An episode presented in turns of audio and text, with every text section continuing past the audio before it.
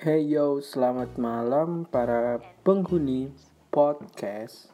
Perkenalkan, saya Nazar, owner dari channel Social Mind Podcast yang baru mulai merintis podcast. Di episode perdana ini, saya bakal mereview singkat sebuah Japanese drama atau yang kita kenal dengan dorama atau drama Jepang yang cukup menarik untuk ditonton menurut saya. Drama apa itu? Penasaran? Oke, kita akan mulai mereview singkat dari drama ini.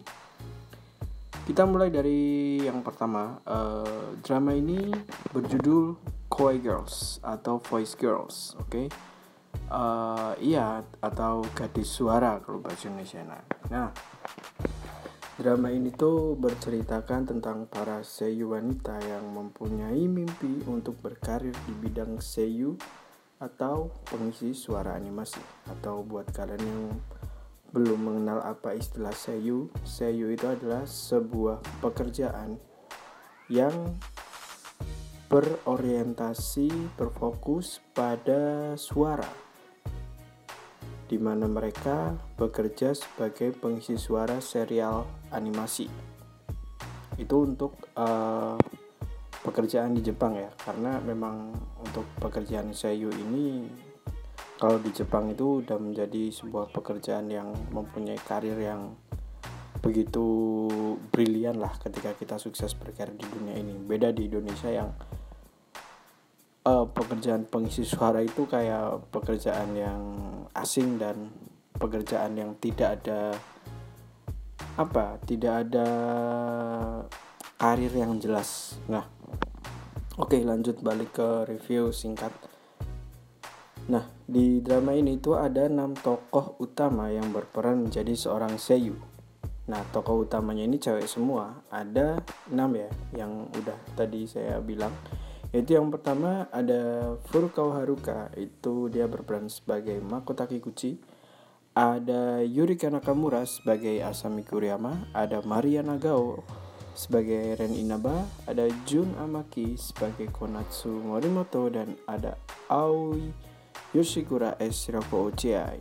Oke, ternyata ada 5 cast ya yang uh, bermain sebagai seiyu di sini.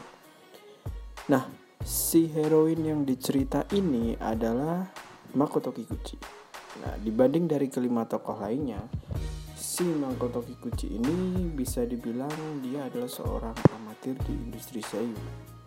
Nah, karena sebenarnya dia itu cuma seorang gadis SMA biasa yang ngebantu orang tuanya berjualan sayur di sebuah pasar. Nah, tapi ini anak emang pinter banget untuk berstorytelling ya, terutama ketika bercerita dongeng atau sebuah cerita ke anak-anak dan anak-anaknya itu pun suka mendengarkan cerita dari dia gitu. Nah, di samping itu juga suaranya memang ya suara-suara kaseyu lah, ada sentuhan suara halus, imut dan ya mm, semua orang yang dengar suaranya pasti bakalan wah pasti orangnya cantik nih dan emang bener cantik. Oke. Dan suatu saat ketika sedang berjualan sayuran ada seorang bapak-bapak yang bekerja di sebuah talent agensi untuk Seiyu melihat si Makoto Kikuchi ini sedang bercerita di depan anak-anak. Dan entah kenapa dia tertarik dengan suaranya.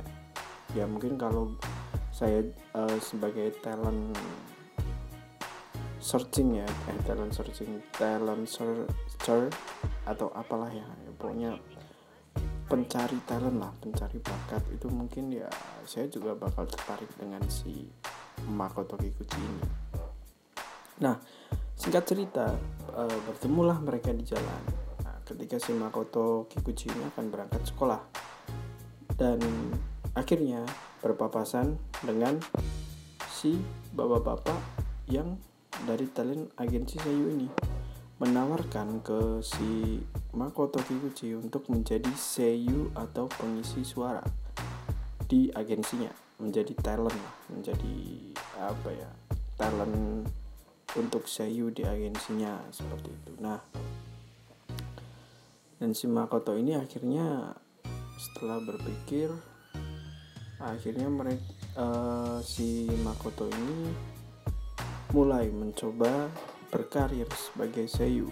Nah namun langkahnya itu tidaklah mudah Ferguso berulang kali uh, dia didaftarkan audisi dan ketika dia mengikuti audisi seiyu ini dari beberapa perusahaan animasi ternyata dia ditolak terus. Ya sebagai seorang amatir memang ya itu udah apa ya, ya udah jalannya dia harus ditolak gitu. Karena itu kan baru percobaan pertama ya nah akhirnya si pihak agensi ini memutuskan untuk mengkarantina para calon sayunya untuk tinggal bersama di satu rumah oh ya uh, si kelima tokoh ini berada dalam satu agensi yang sama dengan Makoto ya. Jadi lima tokoh di film ini adalah uh, para seiyu yang satu agensi dengan Makoto. Nah, uh, di sinilah kemudian satu persatu dari mereka punya beberapa masalah yang sempat membuat ikatan mereka kacau. Ya taulah ketika uh, kita tinggal dengan teman-teman satu rumah terus kemudian ada teman yang mempunyai masalah dan ada teman lain yang coba untuk uh, membujuk dia bercerita apa sih masalahnya ya terkadang kan ada teman yang apa sih lo sok tahu pengen apa ngurusin masalah gue? Atau lo lo apa ya sok-sok deket sama gue itu ngapain? Lo, lo nggak usah cari ya pokoknya banyak lah kayak gitu. Nah, kacaunya ada di situ. Jadi setiap episode itu nanti ada bercerita tentang kelima tokoh ini yang mempunyai permasalahan yang berbeda-beda di karirnya uh, sebagai seiyu. Nah, di sinilah kesabaran mereka diuji gitu. Nah, pokoknya seru lah nih film kita bisa tahu gimana caranya bekerja sebagai seiyu di Jepang. Nah, pekerjaan yang dilakukannya itu seperti apa dan sistemnya seperti apa yang bisa ngebuat kita sadar kalau pekerjaan seiyu itu tidak semudah yang kita pikirkan. Mungkin kita berpikir ya sebagai orang awam mungkin berpikir seperti ini, ah enak kerjanya cuman ngisi suara animasi aja gitu, nggak terlalu berat-berat amat Nah, ternyata dengan menonton drama ini atau menonton serial ini, uh, kita pandangannya tuh semakin luas dan kita bisa tahu bahwa ternyata dalam dunia pengisi suara ya atau seiyu itu ada beberapa teknik dan SOP yang sudah diatur dalam tiap naskah sesuai dengan arahan si sutradara dan penulis naskah. Jadi kita nggak bisa semena-mena ngisi suara dengan suara seadanya gitu ada beberapa teknik yang harus dipunyai Seiyu ketika dia akan mengisi beberapa tokoh animasi yang sedang dikerjakan. Nah seperti itu. Jadi kita nggak bisa pakai suara seadanya. Kita harus mengikuti arahan dari si sutradara dan penulis cerita ini. Kita harus mendalami karakter yang akan kita isi suaranya. Jadi kita nggak boleh sok-sok menentukan wah suaranya harus kayak gini suaranya harus kayak gitu.